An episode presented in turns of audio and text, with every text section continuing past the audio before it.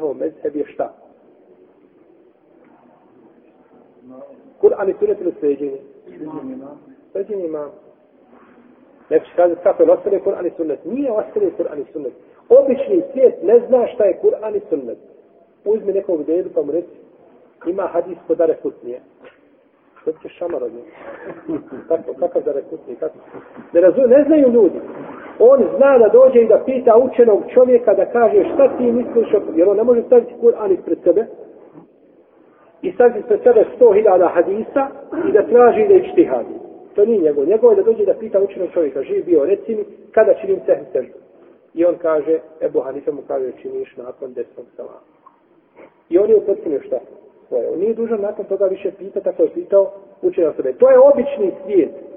Po tome pitanju nema razilaženja među islamskim učenjacima. Ibnu Abdul Bar, imam a, a, a, el, e, Ibnu Kudame, to mi dobro mugni, i drugi navode konsensus učenjaka da je mezheb običnog čovjeka. A obični čovjek, da je njegov mezheb slijedjenje. Ne mora biti jedan imam, ali dužan da pita šta? Učenog čovjeka. Dođe i pita učenog čovjeka i kada dobije od njega fetvu, nakon toga neće ići pitati dalje. Dobio sve od jednog. U jednom gradu ima čovjek koji se zove Jusuf, doktor šarijatskih nauka, poznat čovjek kao Ali. Piše, predaje negdje na fakultetu, islamskom i tako. I čovjek ga obični nazove i kaže mu, slušaj, tako i tako mi se desilo. I ovaj mu kaže, propis je takav i takav. On je dužan da postupi po onome što je čuo i ne smije nazvati Ibrahima, drugog doktora, da ga pita više. Jer jasno? Jer kad nazove Ibrahima, drugog doktora, zašto ga je nazvao? Ne bi li mu Ibrahim dao olakšicu? E tako. Kazao mu nešto doktor Jusuf i on nije zadovoljan tom petvom, nešto mu teška, nešto mu se, ne daje mu se zekijat, baš tako, pa on zada ima neko da to polovi. Pa nazove koga? Ibrahima. Pa ako Ibrahim kaže, ne, ne, nije kao što je rekao Jusuf, nego je upola.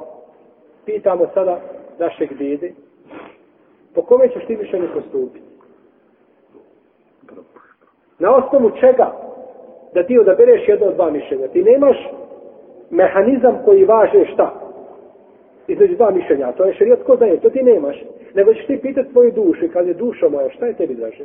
Ona će kazati, pa naravno ono lakše. I onda ćeš postupiti po lakšem, a ne znaš da li je to šta? Ispravo. Ili da pitaš deset ljudi, dobiješ deset različitih odgovora, kako ćeš, i svako ti iznese svoje argumente, svako ima argumente. Kako ćeš ti presuditi među tim argumentima? Tvoje je kada pitaš, da dobiješ odgovor, da postupiš po... Ovo govorimo za obični svijet. Stoga čine se greške kada se ljudima, običnom, znači svijetu, običnim muslimanskim masama, želi naturiti, nasilu naturiti, nešto što on nije naučio. Nema smetje da se ljudi polako previkavaju na sunnetu. To mene nikad ne To je poželjno i pohvalno.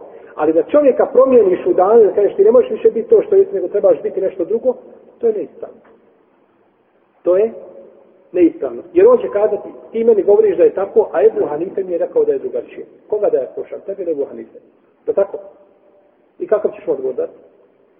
Jer on ne svata, on ne razumije šta tvoje riječi.